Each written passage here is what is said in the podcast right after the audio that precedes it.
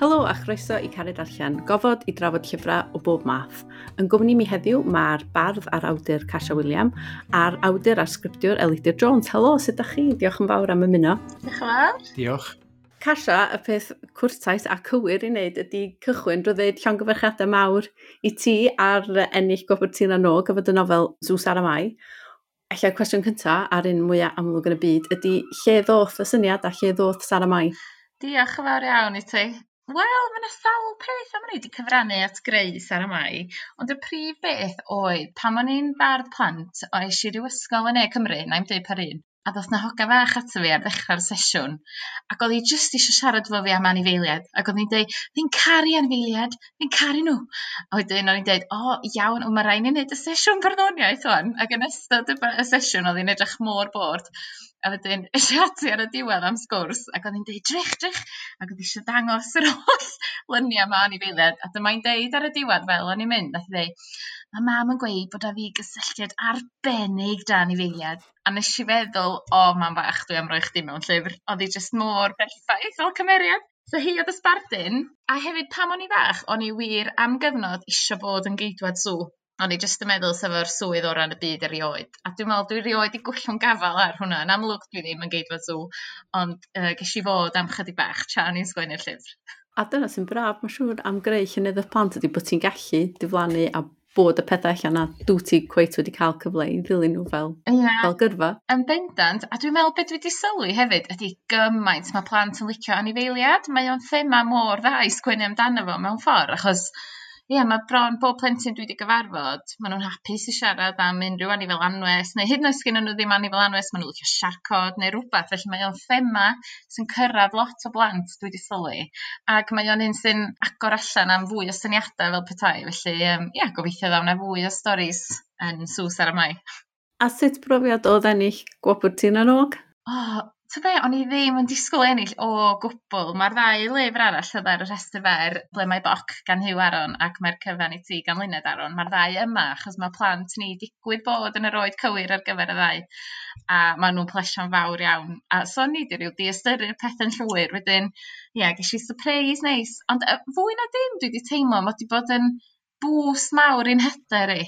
Dwi'n teimlo ti pan ti'n sgwennu weithiau, mae fatha bod chdi mewn rhyw wagle, fatha bod chdi'n nofio mewn môr a ti'n sbio gwmpas, ti fatha, os na bysgod eraill yna? So fatha, os ar rwy'n yn darllen y llyfrau, os ar rwy'n yn licio nhw, dwi'n gwybod, mae'n teimlo weithiau fatha rhywbeth lle ti'n cael lot o adborth wedyn, a ti'n meddwl, a dwi'n dwi gallu sgwennu, dwi'n siŵr os ydw i. Wedyn, mae wedi bod yn bwst mawr iawn, dweud y gwir, i'n hyder i, ag sbardun i ond dwi wedi dechrau sgwennu'r dilyniant ys tro ond dwi fel malwan. wedyn mae wedi bod yn sbardun da iawn i fi fynd yn ôl at hwnna a me'wl reit na i orffan o'n a a be' nesa wedyn. Ac ella bod o'n adlewyrchiad ella bod, bod llenyddiaeth plant eich ddim yn cael ei adolygu mor gyson, ddim yn cael ei drafod mor gyson. Felly, ydy'r profiad o, o'r bws i hyder yn rhywbeth wyt ti'n gallu neithio fel ydy'r achos nad y nofel di um, yr horwth ennill y flwyddyn wrth gwrs?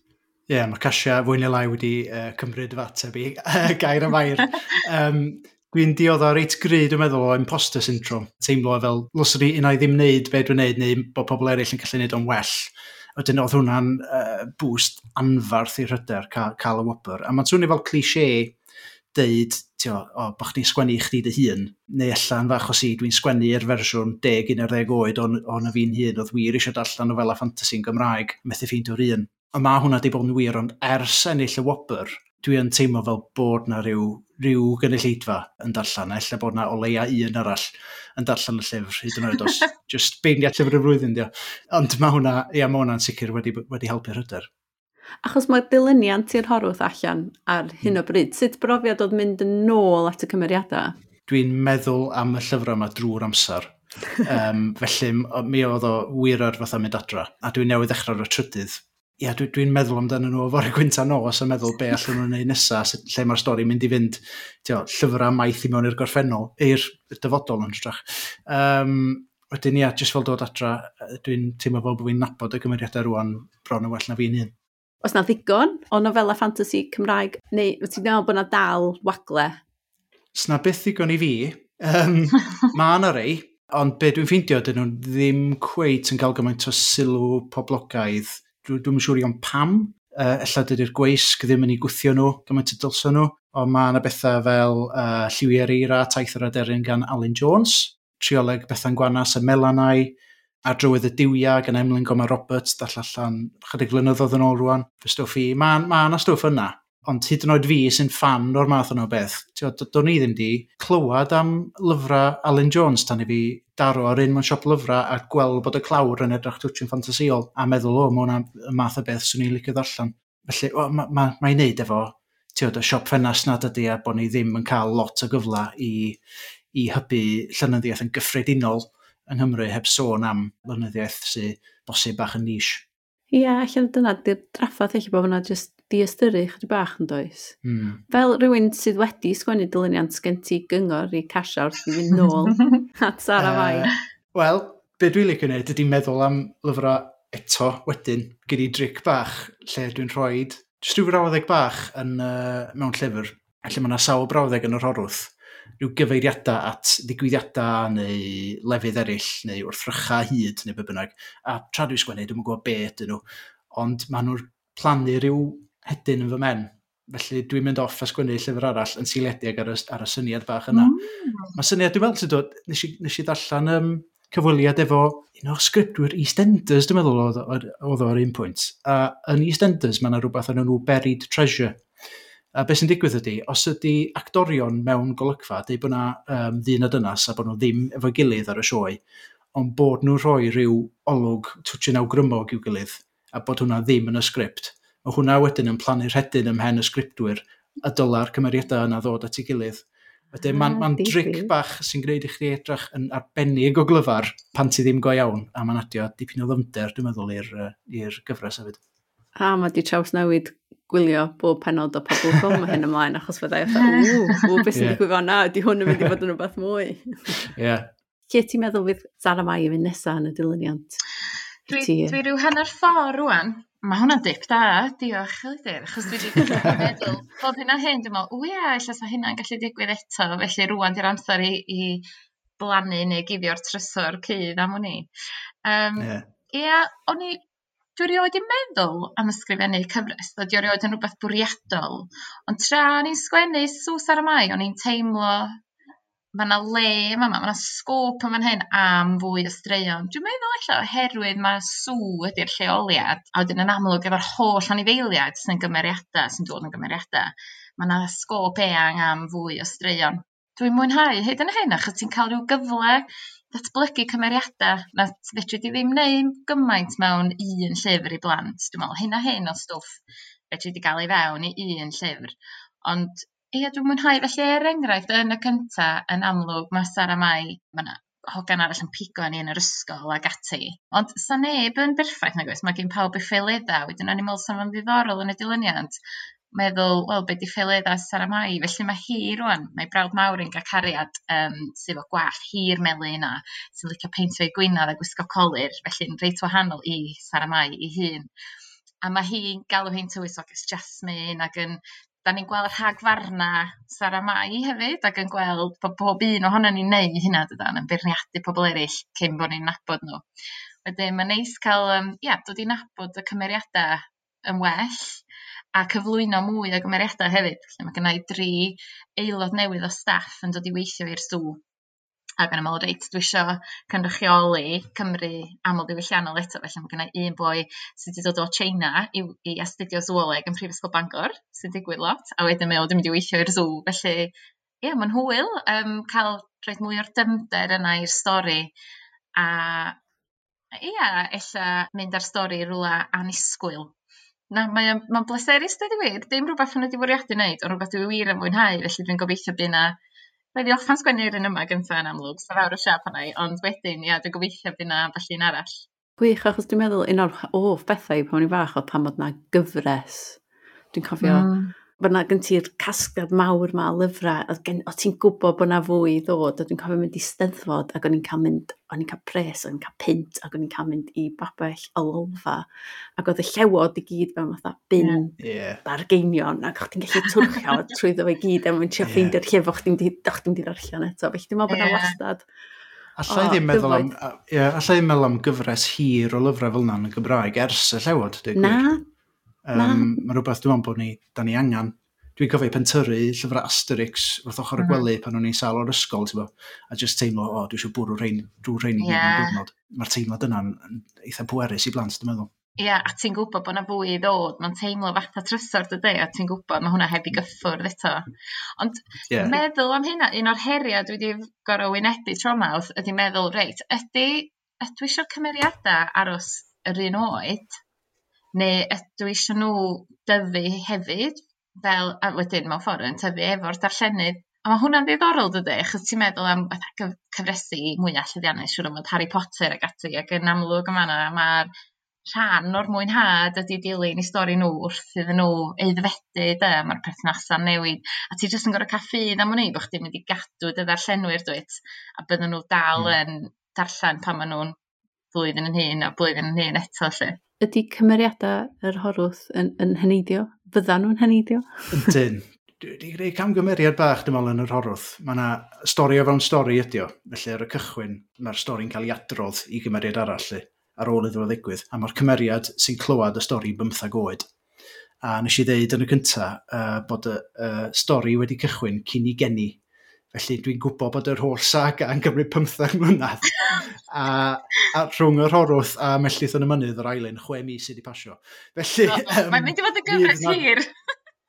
Fydd na jumps eitha mawr yn gwybod bod mewn amser ar ryw bwynt. Um, Ie, dyma ydy'r cyfle i, ti'n modd, i giro faint o lyfrau yn cyfres iawod 22, ti'n modd, so... Challenge accepted. Um, ond mae hwnna hefyd yn creu problem, lle mae'r, wel, dwi'n meddwl amdani fel y prif gymeriad, Sara, hefyd. Um, mae hi'n bymthag, dwi'n meddwl, yn yr horwth, sy'n golygu fydd hi'n rhyw 30 erbyn diwedd y nofel, felly dwi'n meddwl fydd yn go ychwanegu cymeriadau bach fengach uh, wrth i gyfres fynd yn ei blaen. Ond ti'n fod, efo fantasy, does yna am gymaint o reola, so pobl yn gallu hynny ddim yn ôl, neu... Yeah. Diolch yn fawr, dwi'n sgwennu hwnna lawr, as we speak. Un beth arall sy'n ni'n licio drafod ydy, mae hi'n mynd i fod yn, wel mae'n wythnos siopa llyfrau annibynnol, ac yn ystod y gyfnod clo, mae, mae wedi bod yn gyfnod lle da ni ddim wedi gallu mynd i mewn i siopa llyfrau yn yr un ffordd. Da chi wedi bod yn methu nhw? O, do. Helidyr. Fatha bob dim, ynddo. Wel, dwi'n dwi, dwi, dwi digon ffodus, di gwir. Dwi'n dwi byw um, just uwch ben Treforest, ger Pontypridd. A mae yna siop lyfrau newydd wedi agor yn Rheforest yn ystod y cyfnod clo. oh, sy, um, dwi'n meddwl unig siop lyfrau, wel hyd yn hyn, unig siop lyfrau annibynnol y cymoedd. Dwi'n meddwl. Arctic di enw'r siop. Mae'n gwneud sawl peth ar unwaith, dweud y gwir, mae siop lyfrau yr hanner ffrynt, a wedyn mae'r hanner cefn yn rhyw fath o oriel neu ganolfan y celfyddyda, a mae hwnna'n, ti'n ti gweld lot o siopau recordiau troi'n siopau coffi a stwff fel yna er mwyn dal i fynd, a mae hwnna'n rhywbeth mae Atic wedi wneud, wneud ydy just ehangu be maen nhw'n wneud yn ytrach na gwerthu llyfrau, a maen nhw'n gret, maen nhw'n um, stocio fy holl lyfrau i, chwarae teg iddyn nhw, a awduron lleol eraill, gyda nhw silff llawn weithiau lleol, llwyth o stwff Cymraeg, llwyth o stwff i blant, yr un bobl sy'n rhedeg gwyl lyfrau plant bont y prydd. Mae maen nhw ar fi'n agor siop newydd yn Montebryd ei hun o'r enw Storyville Books, felly dim atic fydd unig siop lyfrau annibynnol y cymoedd yn hir, sy'n dda iawn gwybod. Dwi'n meddwl fy hoff siopi erioed oedd siop o'r enw The Muse ym Mangoricha, just lawr y lôn o'n hi.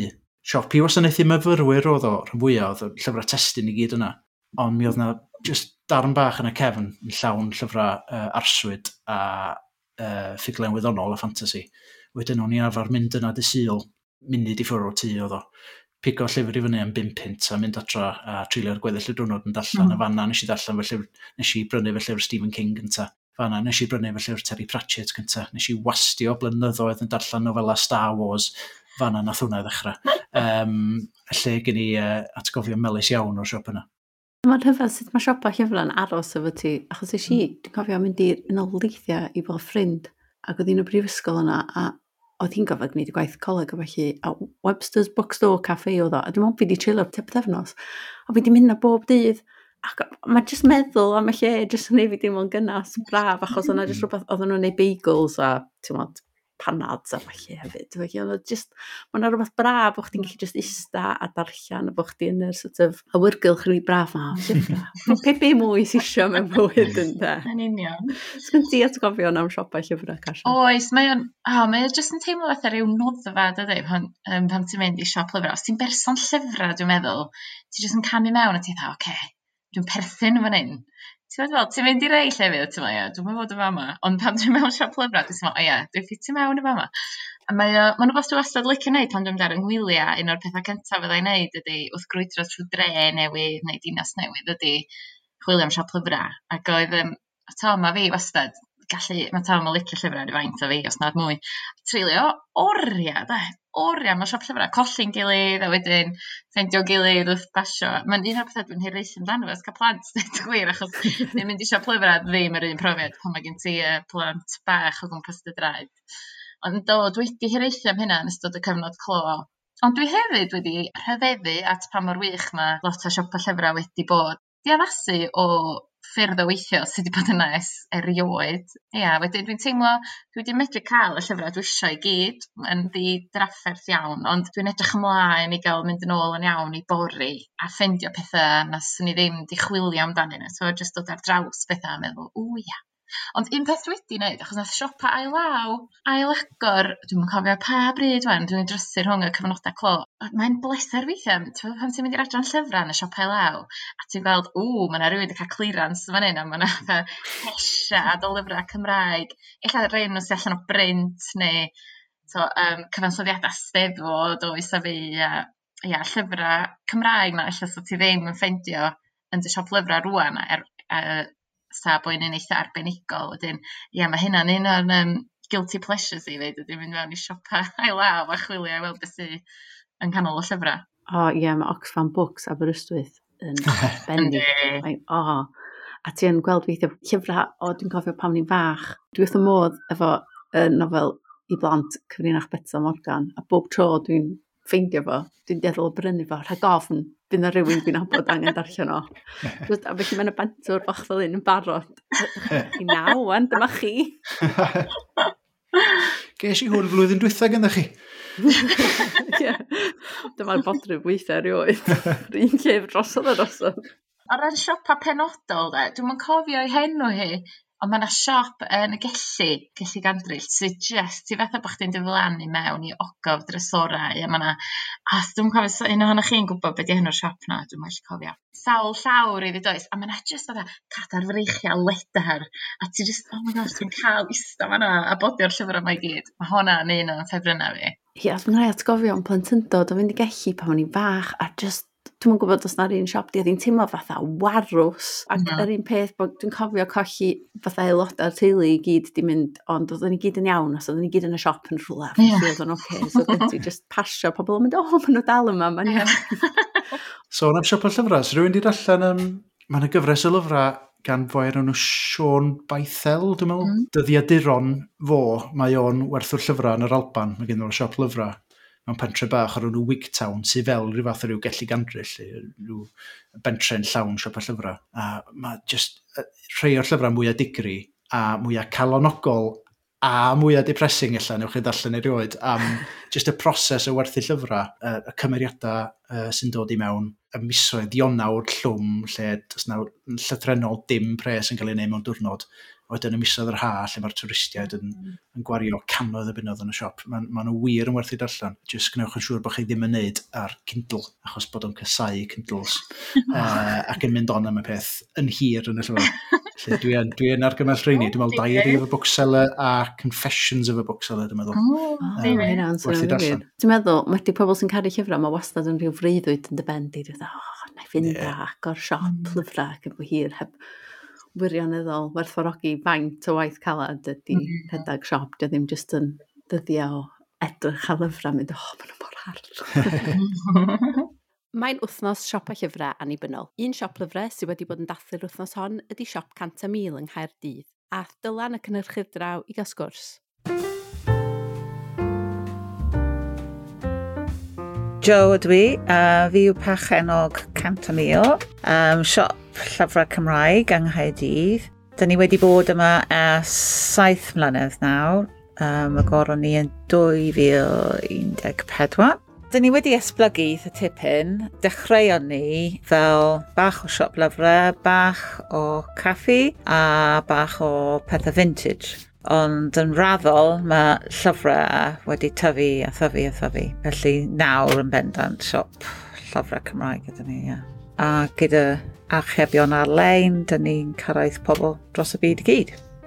Mae wythnos siopau llyfrau yn, yn ffordd wych o roi ffocws ar waith siopau llyfrau annibynnol, dwi'n meddwl. Mae'n bwysig yn, yn y ffaith bod e'n digwydd ar draws prydain i gyd, ac felly mae diddordeb gan uh, yn aml iawn gan bobl newydd i'r siop ac i you know, siopau eraill hefyd. Felly mae'n cael lot o sylw ar, yn y cyfryngau ac ar y cyfryngau cymdeithasol. Bydde fe'n wych tas fe a mwy o ddelwedd Gymraeg i'r peth. Mae'n eitha anodd i ni cyrraedd pawb fel siop Gymraeg. Mae bendant mwy o sylw yn cael ei roi i siopau Saesneg, siopau yn, yn Lloegr yn bennaf hefyd. Dyn ni yn, um, yn y siop yn ystod y wythnos, dyn ni rhoi ffocws i'r peth, ond hefyd ar ein cyfryngau cymdeithasol, dyn ni wedi bod yn um, rhoi cyfle i bobl i ennill llyfrau am ddim, y pethau fel yna. Beth dyn ni'n gallu cynnig gobeithio yw gwasanaeth a ddechog yn gwrando beth mae pobl eisiau a am beth maen nhw'n chwilio. Bod gyda ni arbenigedd yn y maes ac yn you know, achos ni y, y maes llyfrau Cymraeg a bod ni'n gallu awgrymu llyfrau, bod ni'n gallu ateb eu cwestiynau nhw, neu bod ni'n cyfeirio nhw rhywle arall os, um, os nad yw'r ateb gyda ni. A dwi'n meddwl mae mwy a mwy o bobl yn, yn gwerthfawrogi beth sydd i ennill o siopa'n lleol ac i, uh, i siopa mewn siopau annibynnol, bod ni'n cyfrannu i'r gymuned. Dyn ni'n lwcus iawn fan hyn, dim ond dros y ffordd mae yna ysgol gynradd Gymraeg, ysgol mynydd Bachan. Yn bendant mae gyda ni perthynas dda iawn gyda nhw a dyn ni'n trio helpu nhw, ond mae nhw helpu ni hefyd. A, a mae hwnna wedi treiddio i, i weddill uh, Whitchurch Road, sef y stryd lle dyn ni yng Nghaerdydd yn ystod y pandemig, mae siop wedi gorfod newid yn, yn gyfan gwbl. Um, Ro'n i'n lwcus iawn yn y misoedd yn arwain hyd at um, cyfnod clo cyntaf. Ni wedi bod yn gweithio ar ein gwefan newydd. Defnyddio ni'r amser ar y dechrau pan oedd popeth ar gau, you know, o'n amlwg y siop, ond hefyd oedd y wefan ar gau i ddechrau, i just cael cymaint o phosib o bethau ar y wefan. A wedyn ar ôl rhyw mis o'n bosib i cael deliveries oedd yn bosib i bostio pethau. Ro'n i'n hynod, hynod o brasur yn bendant yn, yn ennill cwsmeriad o newydd o, o dros Gymru, dros Brydain a, ac i ryw raddau dros y byd. Felly oedd e'n oedd e'n waith hollol, hollol wahanol, oedd e'n waith um, cyfrifydurol, chydig iawn iawn o gysylltiad wyneb yn wyneb gyda pobl, ond roedd e'n ffordd uh, i ni gallu adeiladu'r busnes yn, yn fwy. Um, ac i i ddarparu gwasanaeth i bobl oedd yn chwilio am rhywbeth. Ie, yeah, cyfnod diddorol gan i ddweud, ond amlwg ni byth yn dewis wneud e fel yna, gan ystyried beth oedd yn mynd ymlaen. Ond ni'n lwcus iawn iawn. Felly, ie, yeah, dewch i cant y mil, dyn ni'n um, Siop Llyfrau Cymraeg ar Whitchurch Road ym Mynydd Bachan yng Nghaedydd. Uh, dyn ni ar agor o ddydd mawth i ddydd sadwn, hanner wedi naw tan hanner i pimp ond mae'n gwefan ni ar agor uh, trwy dydd, bob dydd. Um, a dyn ni hefyd ar Instagram, Facebook a Twitter. A please cysylltwch os allwn ni helpu mewn unrhyw ffordd, um, neu os chi just eisiau cael sgwrs yn Gymraeg, neu um, eisiau sôn am lyfrau o gwbl.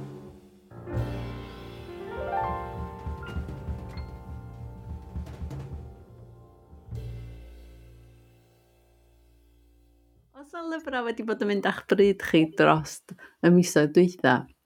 Elidir, be amdano ti? Rai misoedd yn ôl, uh, nes i darllen drychwll. Rhaid i fi gael yr enw yn iawn. Dim dryllwch, drychwll gan Sian Llywelyn, sydd yn... O, dwi'n yn siŵr iawn sydd wedi ddisgrifio ydy gwir. Mae yna ffiglau wyddonol o bosib, ond bod yna elfennau arswyd cry yn ddi hefyd. Uh, oedd yn rhywbeth do'n i'n ymwybodol ohono fo tan i fi gychwyn y llyfr.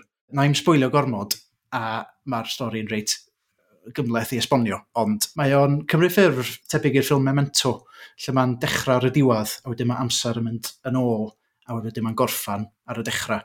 Mae o'n dilyn newydd Raig o'r enw Madlu mewn tre fach yn y gogledd sy'n edrych i mewn i ryw dŷ ar gyrion y dre lle mae pobl yn diflannu. Gan bod o'n dechrau ar y diwad, da ni'n cael gwybod fwy na lai bod ei ffrindiau hi gyd wedi diflannu yn y tŷ yma, sy'n adio rhyw deimlad o densiwn aruthrol i ddechrau'r llyfr, achos da ni'n gwybod ar ryw bwynt da ni am weld y ffrindiau yma gyd yn diflannu ac yn cael ei signo i mewn i'r tŷ yma.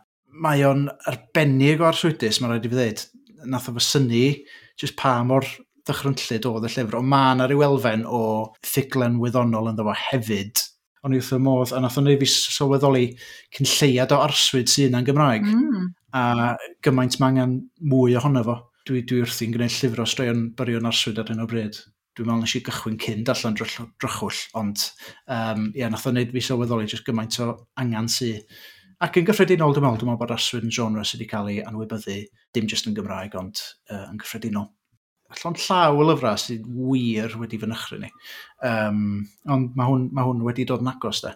Dwi wedi bod yn um, addasu nofel yn ddiweddar sydd wedi cael ei sgwennu gan um, Dynas o Gaerdydd, Holly Rivers, so mae'n Gymraes, ond mae wedi sgwennu llyfr yn Saesneg. Um, Demelza Clock and the Spectre Detectors. Um, mae'n ffantastig, ond mae'n neud efo sbrydion ac ati. Ond dio ddim, mae ar gyfer uh, pobl ifanc teenagers ifanc, dydi ddim yn frawychus, ond, ond nes i ni lot o waith darllen i feddwl, reit, pa derma dwi'n mynd i ddefnyddio'n Gymraeg wan am bethau fel summon ag ati.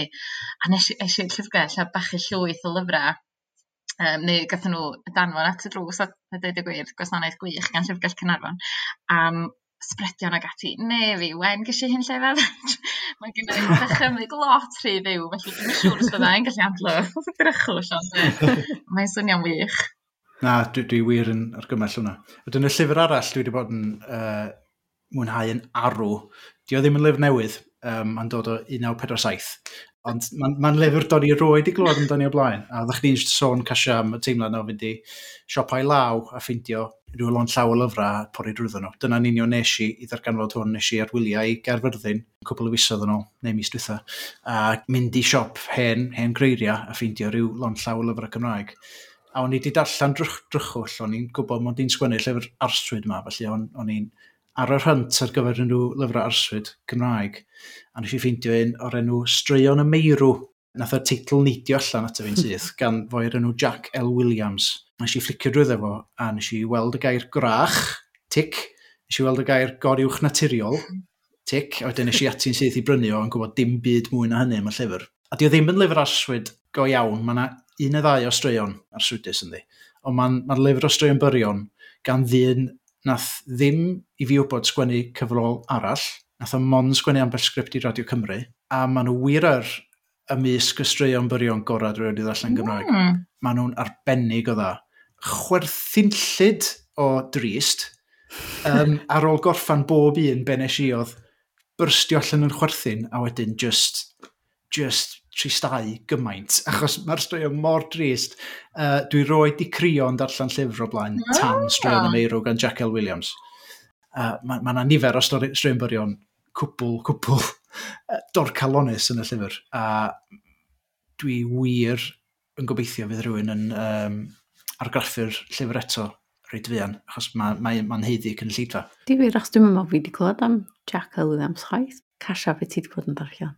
Tra dwi yn sgwennu i blant dwi'n eisiau sgwe- dwi trio darllen stwff i blant hefyd fatha bod fi'n mynd mwy i'w byd nhw lle, neu plant a phobl ifanc wedyn dwi 'di ar hyn o bryd dwi ar ganol darllen Tom gan Cynan Llwyd a wir yn mwynhau. Neis cael llyfr dinesig iawn. Fes i'n byw yn Gardydd ers degawd a wwan di symud i'r gogledd. Mae'n mynd â fi nôl i Gardydd. Dwi'n gallu dychmygu mod i yno. A cymeriadau gwahanol. Mae'r prif gymeriad yn um, autistic. Wedyn, da ni'n mynd mewn i'w feddylfryd o Mae'n ffordd mor llwyddiannus, mae, um, ia, mae wych, dwi'n pori mynd trwy hwnnw. A cyn hynny, nes i ddarllen Helynt gan Rebecca Roberts, na ennill categori uwchradd Tir Nanog o mwynhau 'de dyna profiad da ydi darllen wbath a ti'n meddwl, dwi rioed 'di darllen 'im byd fel yn Gymraeg o blaen Ac o'n i'n sicr yn teimlo hynna am helynt ti'n meddwl, me'wl dwi rioed 'di darllen am goth mewn llyfr Cymraeg.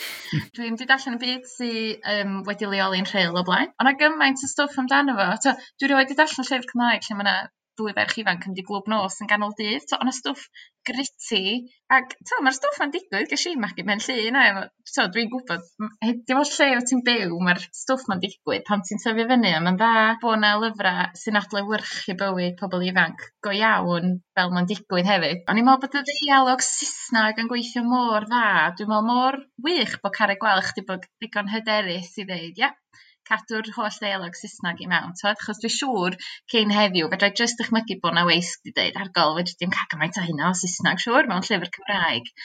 Ond mae o'n neud i'r stori deimlo fel bywyd go iawn a dyna mae'n ychwanegu eto fo achos dyna ydy, ti'n dweud, dyma ydy profiad gymaint o blant yng Nghymru lle ella ma' 'na un rhiant yn siarad Cymraeg neu maen n'w jyst siarad Cymraeg yn yr ysgol.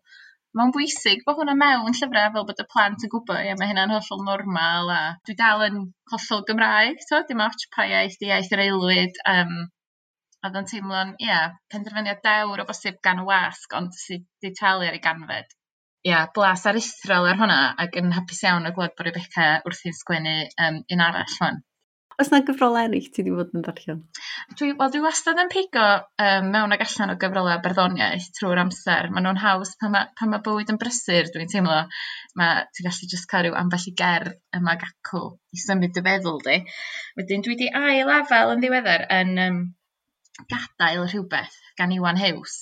Mae'n un o'r llyfrau yng tynweddi Heddiw gan Barddas mae'n fendigedig da ni gyd yn abod Iwan fel prif leisydd feysydd Ros Botwnog, ella yn fwy na fel bardd ond mae yna gerddi bendigedig mewn yna a maen nhw'n fyr a maen nhw'n syml ond ti'n meddwl, mm ia pan dwi'n mynd yn ôl at nhw ac yn darllen nhw eto dwi'n ffeindio rhywbeth gwahanol yn un o bob tro. Felly ie os da chi ddim 'di 'di ca'l honna bachwch chi mae yna berla bach i mewn yma gan Iwan. Ar un arall dwi'n mwynhau 'i waith o bardd o Gaerdydd o'r enw Dai George bardi Gymraeg mae gyfrol gyntaf oedd y Claims Office mae just, mae gerddi fo'n anhygoel, t'o' ma'n gallu sgwennu bob math o themau, a mae yna rhywbeth am yr iaith dwi'n gwybod, gwbod ma' 'na betha wahanol iawn dwi'n teimlo am farddoniaeth Cymraeg a Saesneg dwi'n cael pleser hollol wahanol wrth i darllen nhw. Mae'r defnydd o'r iaith yn amlwg yn yn wahanol dydy, ond mae'r ffordd mae dau yn barddoni ie, os da chi ddim wedi clywed amdano fo neu ddim wedi gweld 'i waith o os da chi licio barddoniaeth dwi'n meddwl, mae o'n sicr werth chwilio amdano fo a ma' gynno fo gyfrol newydd allan 'wan felly nes i sylwi diwrnod o blaen ar Twitter felly hwnna 'di'r nesaf ar fy rhestr i. Wyt ti'n cael mwynhad o ddarllen barddoniaeth dylidur Nidion? Uh, Wel, dwi'n di, dwi meddwl bod fi wedi eistedd lawr efo llyfr o farddoniaeth ers yr ysgol. Na, dwi'n, dwi, dwi mae gen i o'n bod fi'n twtio lydait pan mae dod at farddoniaeth. uh, gwerthfawrogion fawr ac edmygu pobl sy'n gallu neud yn enfawr, ond ddim yn gallu neud o gwbl fy hun. Um, mae gen i nofel, um, dwi ddim di chyhoeddi o nes i sgwennu sawl blwyddyn yn ôl nofel fantasy arall, a mae yna ddrafft o'r nofel gynni, ond nes i'r camgymeriad gwirion o roi caneuon, geiriau caneuon um, mewn amball i benod. A wedyn mae'r ddrafft yn gyflawn gen i, o'n i bai am y darna yna, lle dwi'n gwybod sgwennu'r caneuon achos dwi'n gwybod lle i ddechrau. Ond i'n meddwl gofyn i rywun arall wneud os, di, os di'r nofel yna yn cael ei chyhoeddi ar ryw bwynt. Felly, uh, na i ddim wneud y camgymeriad yna eto, dwi'n meddwl. Ond mae'n rhyfedd, ma, ma, dwi'n gwybod, dwi wedi fod yn ffeindio pan mae pethau'n brysur, mae yna rhyw bethau bleser o, o fynd yn ôl at allan cerdd neu rhywbeth pan mm. Mae, pan amser i ddarllen llyfr go iawn. Ond mae yna rhyw bleser hefyd o fynd yn ôl i ddarllen llyfrau oedd yn golygu lot i fi pan o'n i'n bach. Dwi'n meddwl wedig yn ystod y cyfnod clo yma, fath o'n rhywbeth braf am ail ymweld. Yeah, Dwi wedi bod yn gwneud lot o hwnna. Dim jyst o ran llyfrau, o ran bod math o bethau ffilmiau gemma. Ond dwi wedi, yn ystod y cyfnod clo, dwi wedi darganfod bod yna um, bodlediadau yn bodoli sy'n mynd drwy um, nofela fesul penod Uh, felly maen nhw'n darllen penod a wedyn yn trafod y benod. Um, felly dwi wedi bod yn mynd nôl ac yn weld a gwaith Tolkien, Game of Thrones, Stephen King, fel rhyw glwb llyfrau ar-lein. Dwi'n licio'r syniad o fynd a darllen penod a wedyn gant mm. sgwrs amdano fo wedyn, achos dwi'n meddwl bod na Mae rhywbeth braf mewn cyd ddarllen weithiau, does? Dwi roed wedi bod yn aelod o glwb llyfrau, ond dwi'n dychmygu na dyna di, dyna di'r apel da bod ti'n cael.